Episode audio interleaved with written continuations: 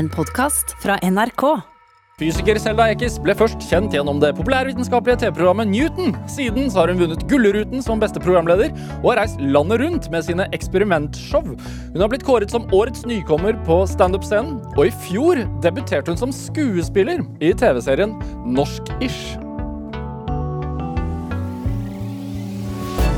Dette er Drivkraft med Vegard Larsen i NRK P2.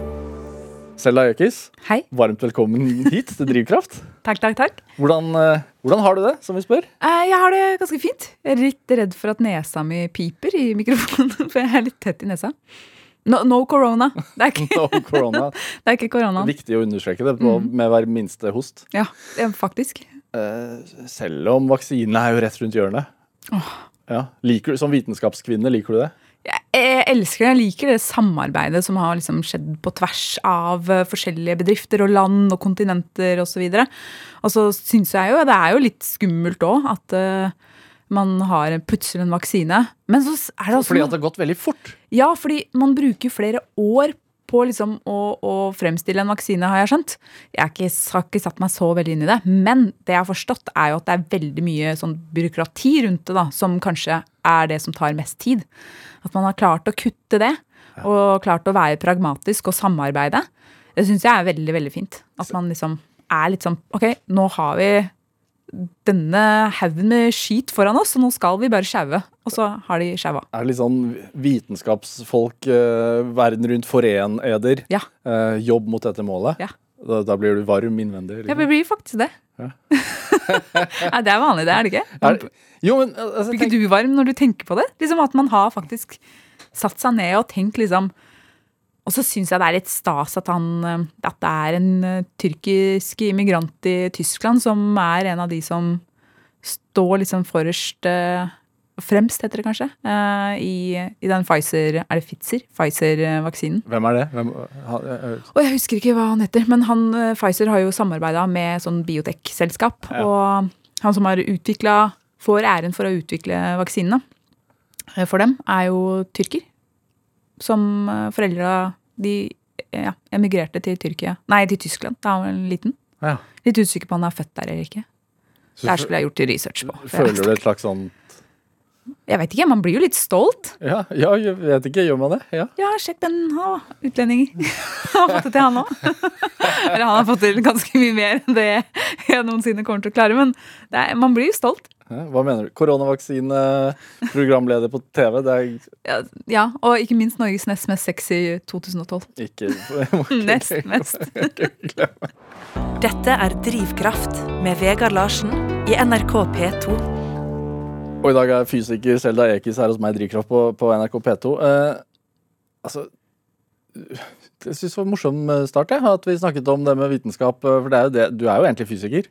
Jeg er utdanna fysiker. Ja. men er, jeg har ikke vært det på lenge. Jeg føler at det, altså, men jeg er ikke en beskytta tittel, men jeg føler at man må jo studere eller forske for å være det. Eller eventuelt jobbe da som lærer og formidle det. Men så føler jeg meg litt sånn som en slags TV-lærer, da. Ja. Så jeg føler meg fortsatt som en fysiker og leser meg opp på ting og sånt. Føler du at vitenskap og råd fra eh, forskerne og de som kan det, har liksom blitt tatt ekstra mer på alvor i- altså i, i fjor? På grunn av dette viruset?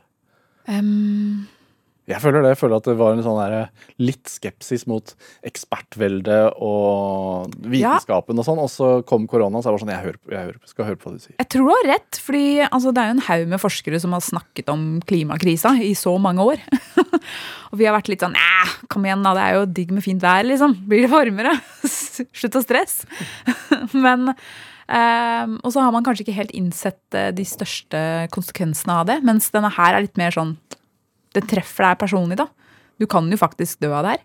Ja. Eh, Og hvis du ikke dør, så kan du få varige men. Og, ja, og så er det en sjanse selvfølgelig for at alt går bra, men den sjansen er ikke sånn, den er ikke 100% Så tror jeg man bare plutselig har eh, innsett at oi, det de eh, forskerne her, legene her, ekspertene sier, plutselig så er det ja, ja, hakket mer verdt. da. Men så har jeg en, for eksempel en internettfeed, Facebook-feed eksempel, som er veldig Jeg lever jo i mitt eget ekkokammer. Jeg følger jo bare Algoritmene dine. ja, Ja. er jo bare sånn Forskere, science is cool, man. det er jo det jeg ser hele tida. Men så liker jeg å lese kommentarfelt, da. Eller liker. Selvpining, heter det kanskje. Nei, hva da? Fortell. Nei, men når du leser uh, forskjellige artikler, da, så er det jo alle disse hva heter det på engelsk, armchair experts, altså sofaekspertene. Sofaekspertene. Ja. De som ikke har en ph.d. eller ja, i, eller har forsket fram forsket i når det gjelder vaksiner eller ja, virusforskning, liksom. Som har sine egne teorier. Man blir jo litt sånn Åh, hysj! Det er støy! Du, du koser deg litt med det? Ja. Men jeg, alle Jeg vet ikke. Nå sa jeg alle, men jeg har i hvert fall en litt sånn uh, del av personligheten min som liker å pine meg selv med sånt. Er det, eh, i, for, I forhold til det, altså det er jo veldig bra at det kommer vaksiner nå, fordi eh, rett før jul så kunne man jo lese at, eh, at du er i gang med det du selv kaller universets mest spennende naturfageksperiment. Eh, som er Jeg eh, lager et barn. ja, Altså akkurat Det høres jo veldig rart ut, men jeg gror et menneske inni meg. ja. Hvordan er det som fysiker? Eh, som fysiker så tror jeg Jeg veit ikke, men som et nysgjerrig menneske som setter veldig pris på liksom, det naturvitenskapelige og Det er jo kjempefascinerende. Bare celledeling i seg selv, liksom. Er jo Ja, nå er ikke jeg så veldig religiøs av meg, men man, det er jo unektelig noe, nesten noe magisk ved det, liksom. Og når, man, når jeg sitter nå og kjenner at jeg bare Ok, det er faktisk et menneske inni meg som jeg driver og gir næring til gjennom morkaka, og så har du Altså, har du sett Du, ah, du har barn? Jeg har to barn. Ja. Hva, har du sett en navlestreng? ja. Det er jo helt sykt at det, naturen har lagd noe sånt nå. Jeg har vært veldig heldig. Jeg har fått lov til å kutte navlestreng. Så ja. Ja. Det er veldig Ja, man, man fascinerende. blir jo og at det er sånn alle Alle vi Er vi åtte milliarder på planeten nå? Alle vi er blitt lagd på den måten. Altså, øh, og, og om hvordan liksom selve prosessen har vært, det er jo sikkert forskjellig fra folk til folk, men jeg syns det er kjempespesielt. Man blir gjerne bare poh, eksploderer. Og jeg har jo tenkt på det før, selvfølgelig, og det er, det er ikke noe det er ikke en overraskelse av at folk blir til på den måten. Men man blir, ja, jeg vet ikke. Det skal vel Man må jo sette, være i, i den situasjonen sjøl, antageligvis, for å bare ja, dette litt i bakken av hvordan det egentlig henger sammen. Men blir du litt sånn Klarer du å beholde eh, hva skal man si, eh, forskeren i deg? Altså tenker du sånn «Ja, I dag er jeg litt annerledes i humøret. Er det pga. at eh, hormonene går den og den veien? Altså, Ja, faktisk litt. ja. Men eh, jeg syns det er veldig spennende. Og det gir meg litt sånn trøst òg. At eh, eh, altså, vi er alle produkter av liksom et, et sammensurium av kjemikalier i blodet vårt, og selvfølgelig sanser og inntrykk fra miljøet rundt oss. Men at det er en grunn til at du er som du er, og gjør det du gjør og sier det du gjør. Eh, ikke at det skal være en unnskyldning, selvfølgelig. Man eh, har jo fri vilje og alt det greiene der. Men jeg syns det er veldig fascinerende å følge prosessen. Eh, og så skal man jo ikke liksom sammenligne seg selv med andre, men man blir jo helt gæren og leser seg veldig mye opp. da. På hva? Eh, På, på liksom hvordan er du i denne uka? Um, hvordan, uh, Hva kan du forvente? Hva er liksom normalen? Og så kan du check, check, check. Ok, det her sjekker ikke jeg på, men det er visst normalt å ikke sjekke på alt heller. Jeg vet ikke. Det er, liksom, det er en oppskrift på oss, da. Mm. Jeg, jeg liker det kjempegodt. Ja. Og Det er, veldig, det er noe veldig sånn På et vis så blir man litt nærmere dyr. Ja. er det lov å si? Ja, men jeg tror du har helt rett, og jeg syns det er noe veldig fint med det òg. Fordi det er jo noe meningsløst med å være menneske. Med å tenke over seg selv, liksom. Og, og, og undre og øh, reflektere over sin egen eksistens er jo meningsløst. Vi er jo her uansett, liksom. Uh, og jeg har trøstet meg med at eh, ok, det meningsløse eksisterer. Sånn er det bare. Mens nå så bare Ok, jeg, nå er jeg litt mer dyr, rett og slett. Ja. Det her, altså Hvis man stripper vekk, liksom, uten å si at jeg ikke er noe annet enn et, uh, en menneskemaskin. jeg er jo mye mer òg. Men uh, det er noe veldig sånn derre tilfredsstillende og um, beroligende ved å bare Ok, nå gjør jeg det her. Det her jeg kontrollerer ingenting, liksom. Det bare skjer av seg selv. Til- er det rart? Tillater, man seg selv, tillater liksom man seg selv litt andre ting? Um, altså, jeg er jo en livsnyter, så jeg spiser jo like mye godteri som før, og det burde jeg kanskje ikke gjøre når jeg tenker meg om. Men eh, jeg gir meg ikke så spesielt mye slack, egentlig. Man har alltid et ansvar for hvordan man er, og hvordan man er mot andre. Og hva man gjør mot den du driver og gror inni deg. Tenker jeg. Men ja, folk er jo forskjellige. Hvordan passer dette her i forhold til liksom din eh, nå blomstrende skuespillerkarriere? Ja, Det er kanskje det skumleste, for jeg er jo frilans. Og jeg identifiserer meg veldig med jobben min. Altså Personligheten min er jo veldig knytta til eh, det jeg gjør, som er jo å formidle. Eh, først og fremst naturvitenskap, da. Eller bare det å være nysgjerrig, eller bare underholde, eller være entertainer. Jeg vet ikke helt. Det er kanskje litt dumt, men eh, folk spør meg liksom, har du noen hobbyer. Så er det sånn, ja, jeg pleide å spille trommer, pleide å spille bass. pleide, Alt var pleide, men nå er liksom jobben er blitt sånn hobby. Uff, det er jo helt forferdelig, egentlig. Sånn jobby.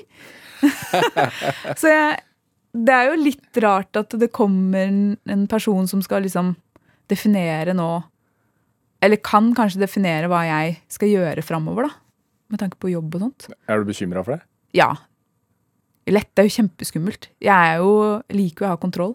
Liker å, Selv om jeg er frilans, så liker jeg å vite hva jeg skal gjøre det neste året. Eh, I hvert fall sånn halvveis, liksom. Og nå er det sånn plutselig så er alle baller i lufta. Hvor lander det igjen? Aner ikke. Men er ikke det Det er jo sånn livet er alltid, da. Det er akkurat det, da. Og jeg tror det er også veldig riktig, eller viktig lærdom å vite, eller skjønne at det, Hei, du skal ikke kontrollere alt, og, og eh, Som jeg sa i stad, alt er jo meningsløst, så hvorfor prøve å liksom Prøve å pakke det inn, eller prøve å guide den meningsløse tilstanden, tilværelsen vi er i. Eh, men det handler jo bare om å gjøre det mer meningsfullt, da. Egentlig. Eller, Ja, jeg vet ikke. Jeg surrer. Jeg, det er en grunn til at jeg studerte fysikk og ikke filosofi. Dette er Drivkraft med Vegard Larsen i NRK P2. Og i dag er fysiker og programleder Selda Ekiz her hos meg i Drivkraft på NRK P2. Altså, eh, jeg nevnte så vidt eh, din blomstrende skuespillerkarriere. Altså, I fjor så, så vi deg i, i serien Norsk-ish. Hvordan endte du altså, Du har sikkert fortalt dette her før, men har, du, har du egentlig alltid hatt skuespillerambisjoner? Um, altså, jeg har jo alltid likt, helt siden jeg var liten, likt å underholde. Uh, og bli sett. Eh, alle har jo et behov for å bli sett. Noen har litt større eh, å bli sett-behov enn å få den anerkjennelsen der. Den andre, jeg tror jeg har fått litt sånn, havna i den der Obelix-gryta når det gjelder oppmerksomhetsbehov. Hvordan slo det ut tidlig, da? Uh, og det er jo veld, Da jeg var liten, så var jeg veldig interessert i Michael Jackson, og da var det om å gjøre å underholde alle med å danse og synge Michael Jackson uansett. Å, gud bedre. Eh, og jeg blir litt sånn småflau. Men så tenker jeg jeg var en unge. Herregud. Sånn er det. Jeg gjør det ikke nå lenger. Eller?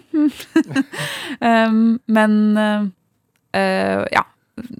Prøve å underholde, selv om jeg ikke nødvendigvis var så god. Og, men måten jeg fikk jobben på, var jo at de spurte meg om jeg hadde lyst til å komme på en audition, for de var jo kanskje litt sånn typecast da. Mm.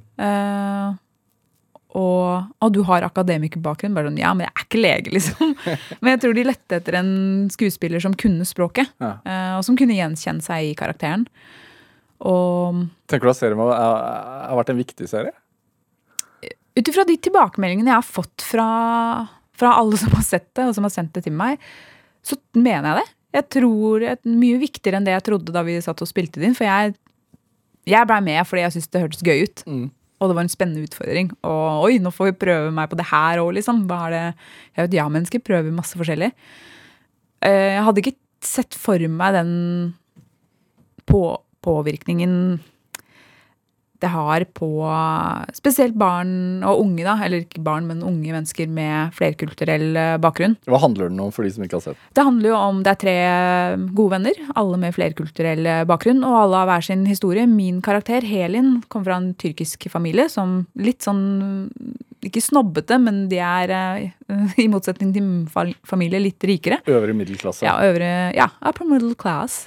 Og hun har hatt en ganske streng oppvekst, um, syns hun, i forhold til de andre norske barna, tydeligvis. Og så blir lillesøstera hennes gravid med den norske kjæresten, og foreldrene syns det er null stress. Og det reagerer hun på. Og så skal jeg ikke avsløre for mye av plottet, du må jo se på det her. Men eh, um, folk, jeg tror den, det å balansere den kultur hjemme og en kultur eh, utafor huset, da, er ganske vanskelig. Eh, og selv om du ikke har de strengeste foreldra, foreldra eh, eller ja, at de er så konservative, så er du alltid litt annerledes. Og det å sjonglere de to verdenene kan være vanskelig.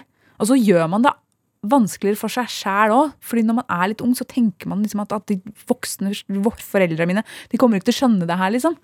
De har ikke vært i mine sko, og så har de kanskje det en eller annen gang, og kanskje de ikke har det. Men jeg tror akkurat den balanseringskunsten der, um, og det å måtte ljuge til foreldrene sine, uh, har truffet ganske mange. Også at, det, at vi ikke tok opp liksom, tvangsekteskap og de mest ekstreme, ekstreme. Ja, versjonene av det å være um, en person med utenlandsk bakgrunn. Men Hva slags tilbakemelding? Altså, du sa du har fått tilbakemeldinger. Hva var det, da? Uh, masse unge jenter og unge gutter som kjenner seg igjen. Uh, som setter veldig pris på at, at, de ser endelig en som er som seg selv på TV. Og noe som er hakket viktigere enn det jeg har trodd. Er ikke det rart i 2020? Ja, det, Jeg syns det er veldig spesielt. Men jeg syns også det er litt rart at man trenger å se en um, Da jeg var liten, så identifiserte jeg med folk som bare så like ut. Sånn som Marianne i Huset med det rare. Hun hadde mørkt, langt hår og litt, litt tjukkere øyenbryn enn andre på TV. Og jeg bare sånn Å ja, men hun og jeg er ganske like, liksom. Uh, for meg så var det å være visuelt uh, lik de jeg ser på TV, veldig viktig. Mm. Men samtidig så identifiserte jeg meg veldig med eh, Fresh Prince of Bel-Air, Tia and Tamara, altså afroamerikanske humorserier. Fordi den utenforskapen de følte, og som de portretterte i seriene sine, den følte jeg på her i Norge. Selv om jeg ikke er afroamerikaner. som er jo veldig rart. Men eh, jeg tror folk eh, har et behov for å ja, lese, se, høre historier som som, som, man kan identifisere seg og se seg selv i. Mm. Kjenne seg igjen i. Hvordan var det, var det fra deg? Altså, du, er, du har vokst opp i Vestfold. Mm. Hvor i Vestfold? Sande i Vestfold. Nå er det uh, Holmestrand kommune i Vestfold og Telemark. Det er litt vanskelig å si. Men det er Sande i Vestfold for alltid. Ja. I mitt hjerte. Eller Sanne. Ja. Hvorfor, hvorfor det? Jeg veit ikke. Det er jo liksom jeg, jeg, er ikke sånn eh, er ikke så veldig patriot av meg. Men jeg vet ikke. Jeg liker Sande. Hva slags plass er det? Det er en pitteliten, eh, et bitte lite tettsted. Jeg tror det hadde bystatus før. Vi liker å si det, i hvert fall. Jeg tror kanskje vi aldri har hatt det. Men uh, en eller annen gang på 90-tallet hadde vi bystatus. Det var vi veldig stolte av. Uh, så er det fullt av helt vanlige, gjennomsnittlige nordmenn med helt vanlige jobber. Eh, folk som jobber med henda, folk som jobber med huet, folk som jobber med kroppen, og folk som ikke jobber. Hele, hele rangen. Og så, da jeg vokste opp, så var det ikke så mange utlendinger der. da. Så da var vi den lille den fargepletten i et ganske eh, etnisk norsk eh, miljø. De eneste? Eh, en av de få. Da jeg husker Det var en annen tyrkisk familie og en pakistansk familie. Så var det etter hvert noen bosnere som kom. Eh, etter 94-95, tror jeg. Men vi var så få. Og det er ikke som om vi henger med andre utlendinger bare fordi de er utlendinger. så vi, det føltes ut som vi var de eneste tyrkerne der. Men for, når skjønte du det, da? At det var litt annerledes? Eh, og det skjønte jeg i barnehagen. Oi. At vi var tyrkere, liksom. Ja. ja, ja, det var i barnehagen. Da eh, husker jeg Jeg hadde utslett rundt min, sånn eksemutslett.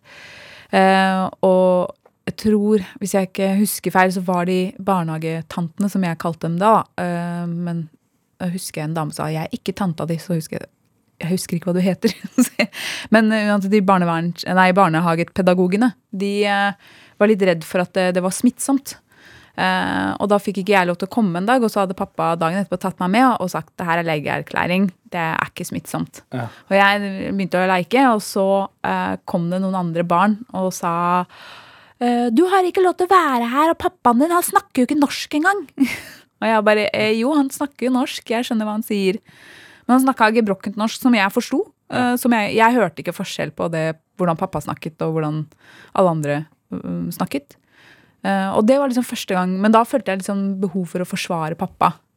Og da var jeg vel fire. Eller ja, fire eller fem. Hm. Husker jeg.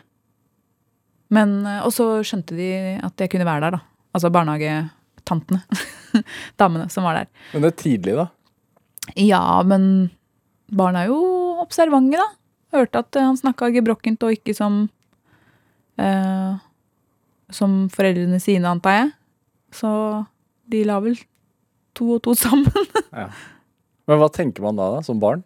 Eh, jeg husker jeg var veldig sinna, for jeg skjønte ikke hva de mente.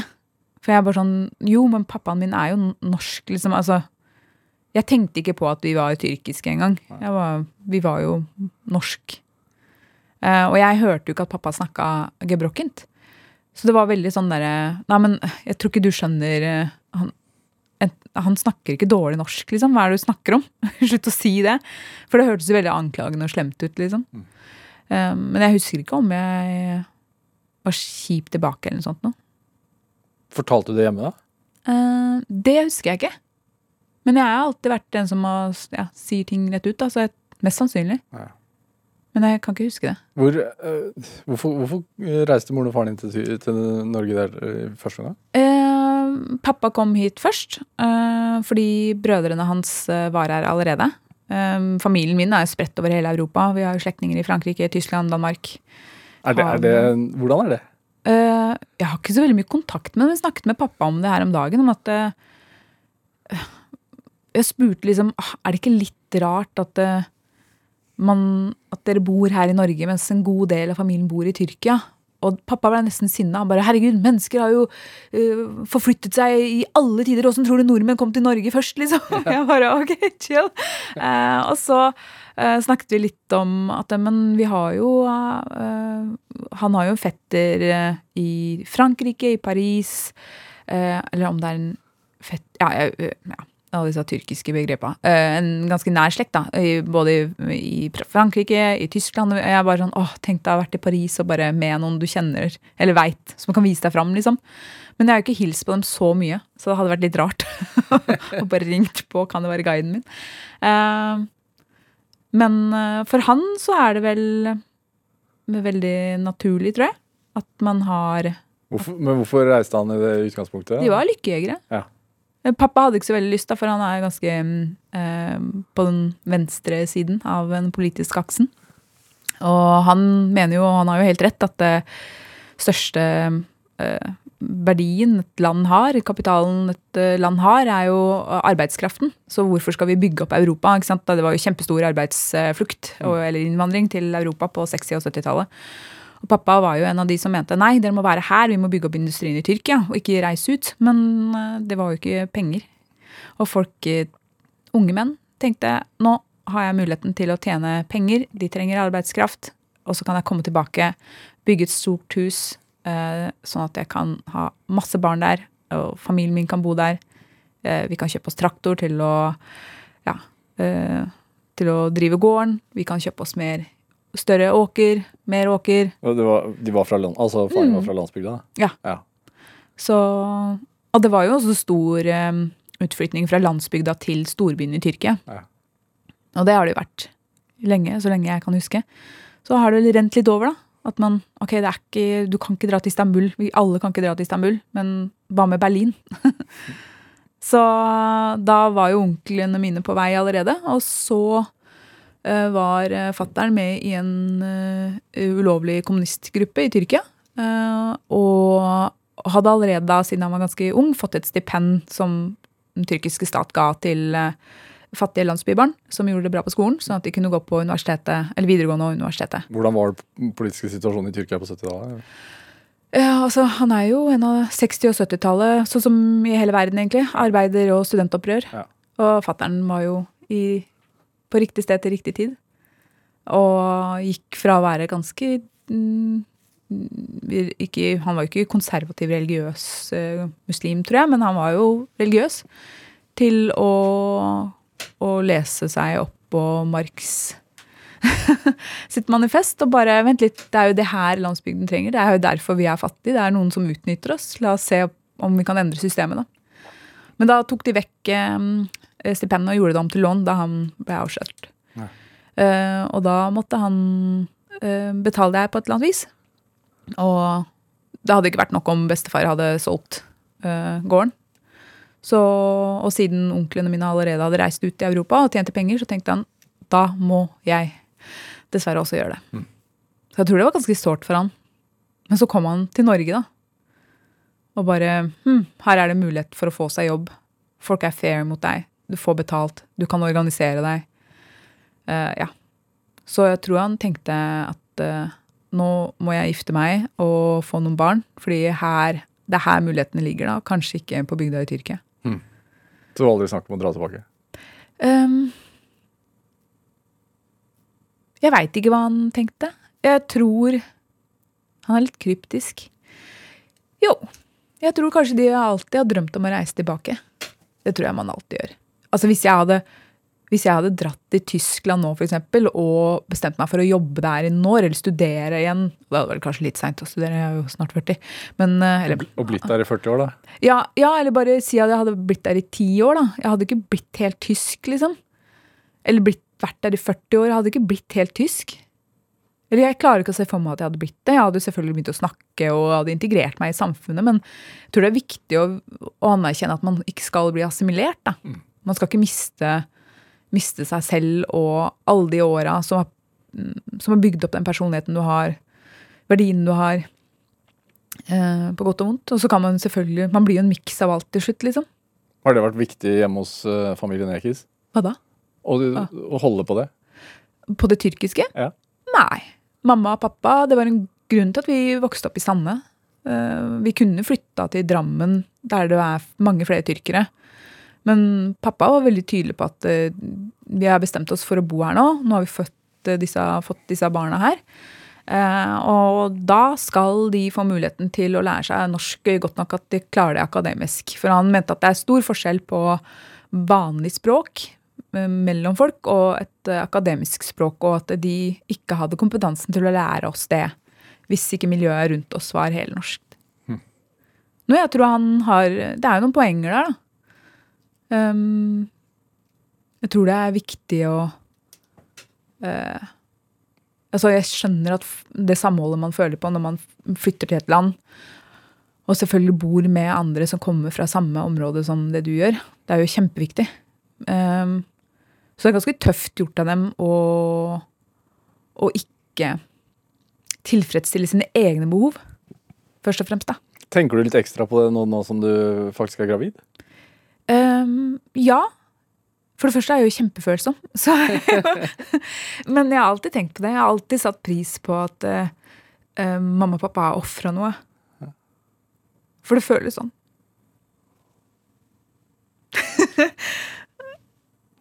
Er det Skulle tatt med papir. Nå ser jeg ikke noe. Hvorfor blir du så bevega? Nei, jeg tror det er fordi jeg har sjukt høye nivåer av Er det progesteron i meg? um, nei, jeg jo, blir jo rørt av det uansett. Men jeg hadde nok ikke grått. Det er jo noe jeg har tenkt og satt pris på i mange år. Det er ikke som om jeg plutselig nå skjønner Å ja, um, det å flytte fra et annet land er ganske stress. Så det er mest hormonene som gjør at at jeg gråter så fort, og at jeg er tett i nesa hele tiden. Men jeg har ikke korona. Uh, Selda Ekiz, skal vi spille litt musikk? Ja, takk. Du, da, du har med en låt uh, av en artist som Ja, han heter Si fornavnet, da. Gesi. Altså, det er navnet på sangen. Det er navnet på sangen, ja. Ja. Fornavnet på artisten. Ah, ok, det er Selda Ja. Heter artisten. Så er det derfor, da? Er du oppkalt etter den artisten? Ja. Er det det? Jeg er oppkalt etter henne. Og hun Selda er Bakkan? Bak Bajan. Baj- Bajan. Bajan. Og låten heter Gezi Balaro.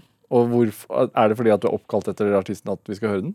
Eh, jeg liker den låta. Jeg liker artisten, da. Og så den sangen er veldig fin. Hva handler den om? Det handler om en eh, jente som eh, savner foreldra sine etter at hun har blitt eh, eh, har giftet seg vekk til en mann som ikke bor i nærheten av foreldra. La oss høre.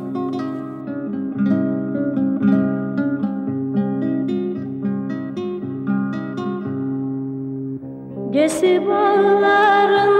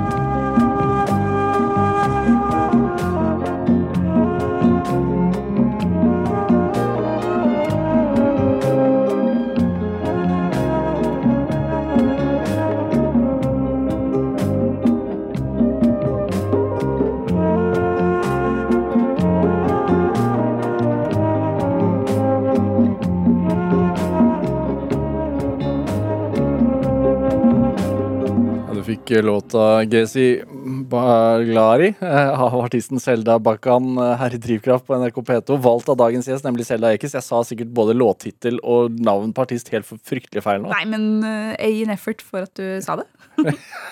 Tusen takk. Uh, tror du det er tilfeldig at du er oppkalt etter hun? Um, ja, det tror jeg. mm, Helt tilfeldig hva meg og søstrene mine er eh, eh, Hva vi heter. Ja. Um, Men det er en artist som betyr noe for deg? veldig mye. Og jeg tror det betyr, hun betydde veldig mye for mamma og pappa da eh, mm, de ventet meg. Og tida før. For- hvorfor? Hun er en kjempesvær uh, stjerne i Tyrkia. Ikke sånn popvisesanger, men hun begynte med å ta gamle tyrkiske viser og slenge på en feit uh, bassriff. Og ja, ja, men hun, det er skikkelig funky. Det er noe av det første hun Ja. Eh, og populariserte ganske uh, viser som på mange måter var protestviser. Uh. Um, og hun har sittet i fengsel for tekstene sine, og hun er uh, uh, Som verdimessig så er hun Jeg veit ikke om hun er eh, mm, Om hun er på venstresida, eller det må hun jo være, men jeg tror hun prøver å være litt mer nøytral i uttalelsene sine. Hun er jo ganske gammel nå. Eh, men eh, hun, hun klarer å formidle eh, det de fattigste i Tyrkia streber med. Mm. Som jeg tror mamma og pappa og ganske mange tyrkere identifiserer seg med. Det handler om å bli sett, vet du. Hva, hva, hva, hva, hva er liksom Tyrkia for deg? Og det, er en, å, det har jeg aldri blitt spurt før.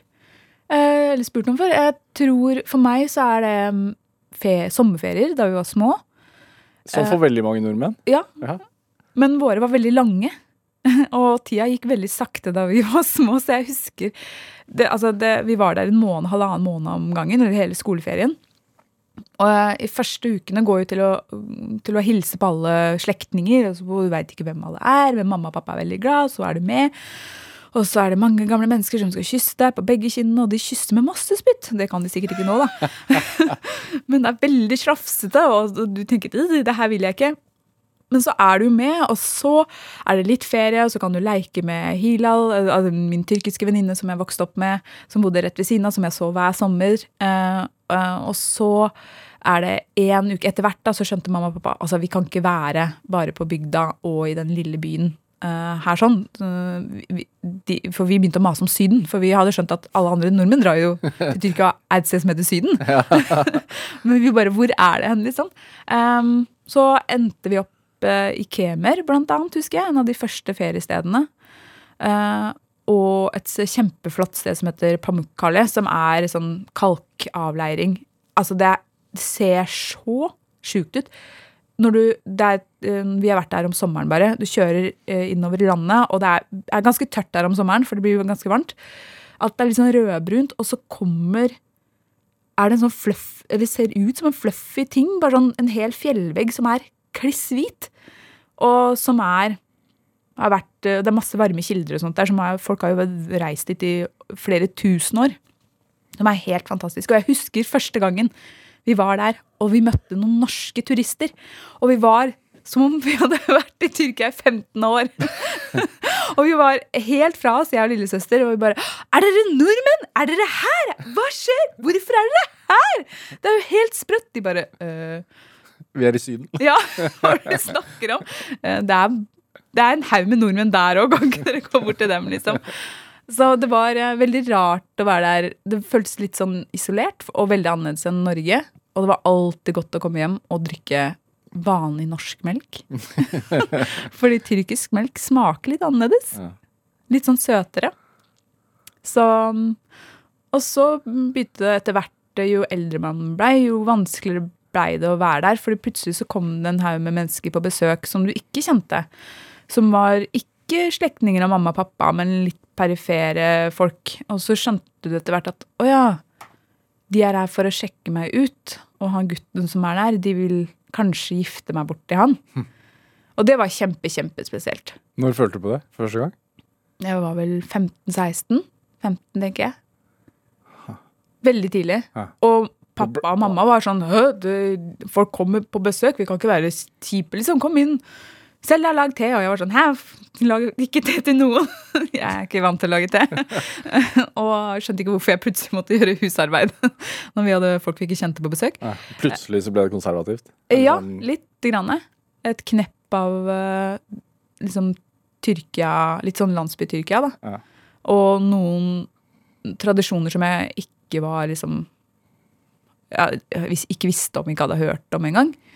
Um, jeg har vokst opp med Disney, liksom. Du møter jo en prins som skal redde deg, og så blir dere dritforelska. og så gifter dere dere. Um, det skjedde jo aldri noe. Det var ikke som om vi ble gifta bort eller noe, men Men du, var liksom, du fikk en følelse. ja, definitivt en følelse av at uh, her er det noe jeg ikke liker. Og da var jeg veldig tydelig på at det her liker jeg ikke. Um, Er du det? Er du uredd? mm, nei, jeg, er kjempe, jeg var veldig uredd før. Det er et eller annet som skjer når du begynner å bli gammel. Men jeg har ikke trodd at jeg skulle bli så gammel. Så jeg har liksom, nå som jeg nærmer meg 40, så er det sånn Kanskje jeg blir gammel? Nå må jeg passe på, liksom. Hvorfor har du ikke trodd du skal bli gammel? Jeg vet ikke, jeg har aldri klart å se for meg at jeg blir gammel. Jeg er en person, eller har vært en person som lever veldig her og nå. Kjempe-ja-menneske og bare Ikke det at jeg har hoppa i fallskjerm, det ville jeg aldri gjort, men altså eh, Vært ganske uredd, da, og ikke tenkt på liksom hva andre kan mene og tenke og si om meg, og, og så videre. Og Hvor var jeg? Man blir veldig, veldig, veldig sånn ulldott i huet når man er gravid. Nå mista jeg Men du, flyt, du flytta hjemmefra veldig tidlig. Ja, da jeg var ja, 15-16, faktisk. Hvorfor det? Jeg fikk stipend for å gå på en privatskole for nerder. Som De sa jo ikke det rett ut, men det var jo det det var. Eh, en privatskole. Du var jo rel relativt skarp, da. Eh, jeg gjorde det bra på skolen, Ja. men jeg var jo umoden og ja, hva, hva er det for en privatskole? Altså, Den heter Skagerrak International School i Sandefjord. Og der kjører de på med eh, ikke vanlig allmennutdannelse, eller hva heter det nå? eh, det er ant... Vet ikke. Studiespes. Ja. ja. Men eh, International Baccalaureate, eh, som man har på vanlige skoler òg. Man kan velge det. Skjønte jeg i ettertid. Eh, men det er eh, eh, litt hardere, tror jeg. Eller det var veldig vanskelig på skolen når man flytta hjemmefra, skjønte jeg, og du må jobbe. Det var jo kanskje den største utfordringa. Jeg, jeg tok ting veldig lett på barne- og ungdomsskolen. Så kommer man på videregående, og så må man jobbe, og bare Hæ? Får jeg en treer i matte? Aldri skjedd før. Hvorfor må jeg jobbe? Det her er jo uhørt. Og så plutselig så lærer man seg arbeidsvaner, og at eh, det krever en innsats å gjøre ting, da. Men var du sånn barn som lærte deg å lese mye før de andre? Det tror jeg ikke, for jeg var ikke så veldig interessert i det. Jeg, var- jeg syns det var veldig dårlig gjort at storesøstera mi fikk så mye oppmerksomhet av pappa når de skulle gjøre leksene. Og han var sånn, men du kan ikke skrive. Og jeg bare, jo, det kan jeg vel. Så prøvde jeg å herme etter noen løkkeskrift jeg så et eller annet sted. De bare, det der er ingenting. Bare skriblerier. Og jeg husker jeg sa, det er jo nesten helt likt, se da. Men ville du, altså, ville du gå på den spesialskolen selv? Ja, definitivt. For jeg følte helt oppriktig at eh, Oi, her eh, Jeg gjorde det bra på skolen og tenkte at eh, nå har jeg muligheten til å bli utfordra litt ekstra.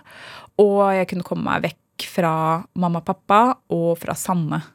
For det var jo Sanne er et flott sted, men jeg, jeg var en av de som ble mobba veldig mye. Eh, og så var det Helt, helt til du var liksom oppe i tenårene? Uh, ja, jeg fant liksom min egen klikk av liksom de andre nerdene. Men det var ganske sånn derre giftig miljø. Men det er vel kanskje bare sånn det er å være ungdom. Jeg veit ikke. Jeg var, ikke jeg, var, jeg var også en av de som var kjip mot andre òg. Det er ikke sånn at det bare fordi man blir mobba, så er man supersnill konstant, liksom. Men hvordan, hvordan foregikk den mobbinga? Mm, ja, bare sånn ekskludering, um, egentlig. At du Fra bursdager og sånne ting? Ja, det var typisk barneskolen. Der du ikke hang med noen. Men jeg husker en sånn spesiell um, opplevelse. Det var vel barneskolen, tenker jeg, mot slutten. Sjette klasse eller noe sånt noe. Femte-sjette klasse. Da fikk vi en eh, ny jente som var supersøt, og hun visste ikke at jeg var utafor eller ikke skulle bli snakka med. Eller jeg vet ikke helt. Eh, men hun var sånn 'Skal du være med på syklubben, eller?' Jeg bare 'Hæ?' Ja, de har jo Jentene i klassen har jo syklubb hver torsdag. Skal du være med dit? Jeg bare 'Ja, det skal jeg. Dere har det? Kult, da. Det visste jeg ikke.' Mm? Uh, nei, jeg ingenting. Jeg, det visste jeg. Det, jeg kommer på torsdag. Og så husker jeg at jeg sa til mamma skal på syklubb, liksom. Hva tar man med?' Og hun, mamma er kjempeflink til å sy. Hun bare lagde et lite pennal eller en veske, liksom. Bare sånn, her har du nål og tråd, og ja. Tok jeg det med, ringte på døra, og med en gang hun som bodde der, åpna døra, så tenkte jeg uff, det her var helt feil, for hun var sånn Det var ikke hei, liksom. Det var sånn Hva gjør du her, egentlig? Og så hørte jeg alle jentene som satt liksom inn på rommet hennes, og, og de ble liksom stille for å høre hvem det var, og så hørte jeg at alle var sånn Oh my god, er, hun, er hun her nå? Og så tenkte jeg jeg hørte at det var syklubb, så jeg skulle komme, da. Jeg ble invitert av hun nye. Og så gikk jeg inn, og så var det liksom Stemningen var kjemperar. Så jeg bare Det var to-tre sting. Og så skjønte jeg at folk broderte og ikke sydde. Som tydeligvis var en sånn derre forskjell. Eh, så da sa jeg Jeg tror jeg var der Jeg vet ikke hvor lenge jeg var der. Veldig kort tid. Og så sa jeg OK, jeg må gå, jeg. Har, ikke, har glemt å spise. Ha det. Husker ikke hvilken unnskyldning jeg fant på. Ja. Så stakk jeg. Men det var eh, litt sånn. Du hadde ikke så mye venner? med andre ord. Jeg hadde ei som også var utafor, så vi hang jo sammen fordi begge var utafor. Ikke nødvendigvis fordi vi kom så godt overens. hva, hva har det gjort med deg, tror du? Em, jeg er veldig obs på at andre ikke skal bli eksklu ekskludert. Uh, ta med alle, snakk, prøve å snakke med alle. Men jeg er jo kjempesurrete. Og kan også være ganske frekk i kjeften. En, mm, både med mening, mer med vilje, og uten vilje, da. Em, men jeg veit ikke Det har jo sikkert prega meg på et eller annet vis, men jeg er liksom ikke så spesielt Jeg føler ikke at jeg er så veldig bitter. Jeg går ikke rundt og tenker liksom Å, hva blei det av de, liksom? De er jo kjempefine folk. de, de som var barna de jeg gikk på barneskolen med. Det er jo bra folk. Og du tenker det? Ja, altså, jeg kjenner dem jo ikke, men ut ifra det jeg ser på Facebook, og sånt, så virker det som om de var eh, Det er jo Alle har jo vært kjipe mot noen, tenker jeg. Og så kan man meske seg i at man har vært, blitt holdt utafor, eller så kan man gjøre noe med det. Og du trenger ikke å henge med folk som ikke liker deg. Det fins åtte milliarder mennesker på planeten. Du finner noen andre som liker deg, liksom. Dette er Drivkraft med Vegard Larsen i NRK P2. Og i dag er eh, fysiker og programleder Selda Ekiz her hos meg i Drivkraft på NRK P2. Vi snakka litt om, om eh, tenårene dine. Altså, Du har vært, vært et utrolig flink, og virksomhet. virker som det har vært veldig viktig for deg å eh, formidle ting til barn. Ja. Er det fordi at du har havnet i liksom NRK Super og at det bare har blitt en greie, eller har det faktisk vært viktig for deg? Mm, det var veldig viktig da jeg studerte fysikk. Altså Før det så veit jeg ikke. Da var jeg jo et barn sjøl. Hvorfor ble det fysikk i utgangspunktet? Det var jo også egentlig litt tilfeldig, men jeg studerte psykologi først. Um, men jeg hadde sett en episode av Schrødingers eh, katt uh, om Cern. At de bygde liksom Om ja, atom... Altså den, nei, den der, der reaktoren krasje, ja, ja. partikkelforskninga. Ja. Og jeg var sånn Damn! Det her høres jo helt fantastisk ut. Og så hadde jeg en nettkompis som jeg snakka masse fysikk med, som introduserte meg til en teori som heter strengteorien. Som er veldig sånn Unnskyld, men du hadde en nettkompis som du pratet fysikk med? Hadde ikke du nettvenner på nitt- nei, Jo. 2000-tallet? På IRC, eller? Jeg husker ikke hvordan vi møttes, jeg.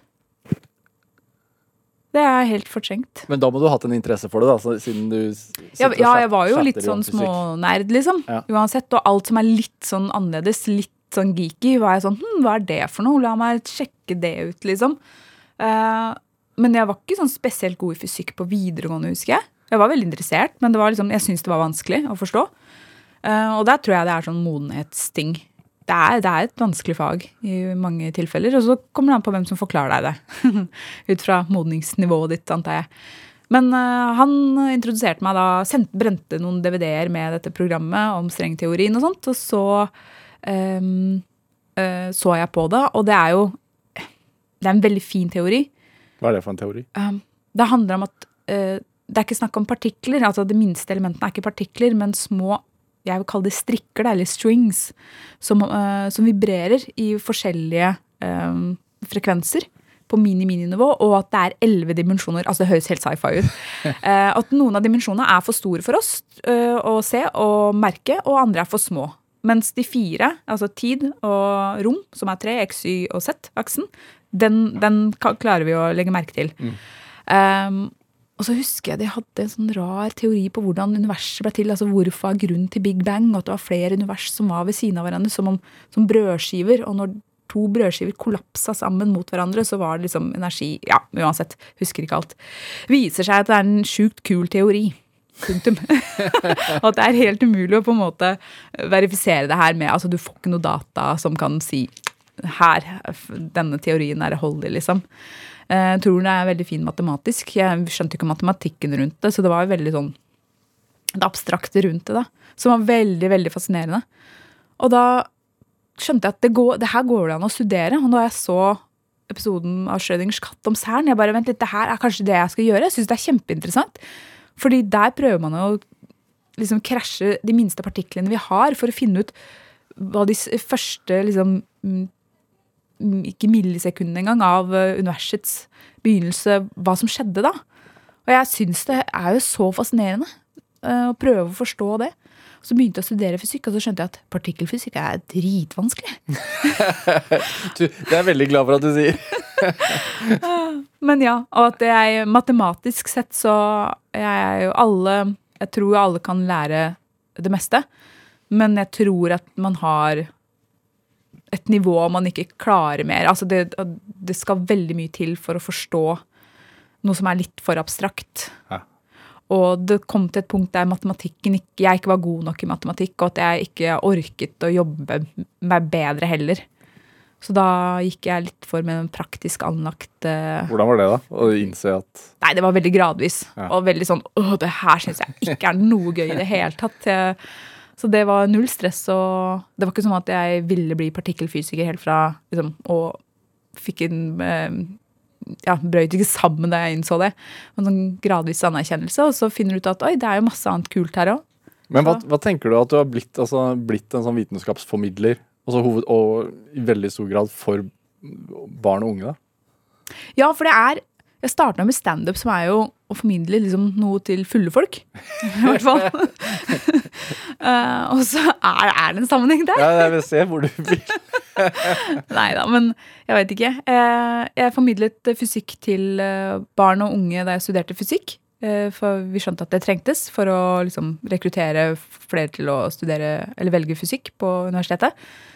Mm, Og så var det helt tilfeldig at jeg fikk den Newton-jobben, og da Da var det tilfeldig. Ja, jeg søkte Søkte og hadde audition. Og, altså, jeg mener det er tilfeldig, jeg tror ikke på Gud, men, men det er noe ekstremt herlig med barn som er i alder 8 til 12 år. Og den nysgjerrigheten de har, og der man kan glede seg over at noe er som det faktisk er. Altså, Tenk at en meitemark eksisterer, liksom. Jeg synes det er At man kan dele det med noen. Uten å, fordi voksne er litt sånn Ja, meitemark eksisterer, videre. Jeg har sett det før. liksom. Ja. Ja. Men har man egentlig sett det før? Det er liksom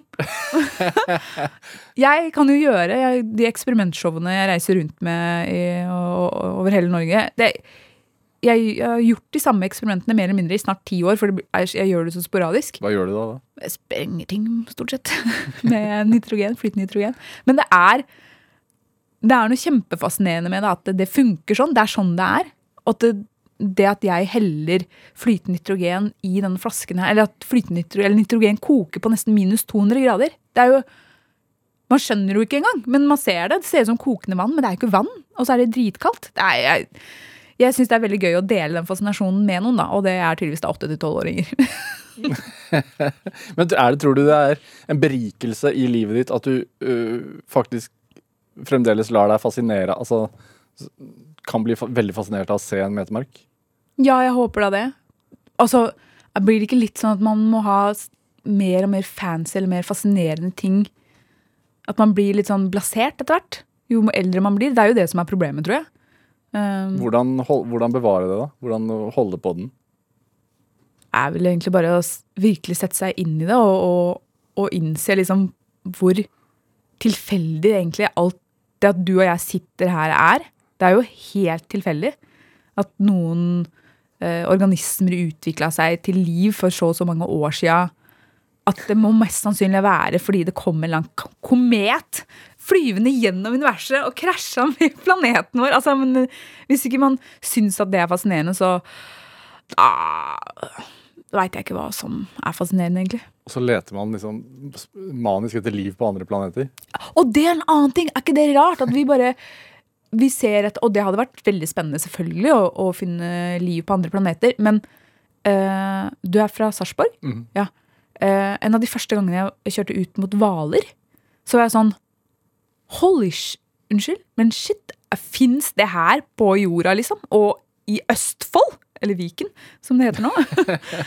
at, at det eksisterer. Og så hadde vi funnet noe sånt eh, på en eller annen planet. Vi hadde jo, vi hadde jo klikka helt maksimalt, liksom.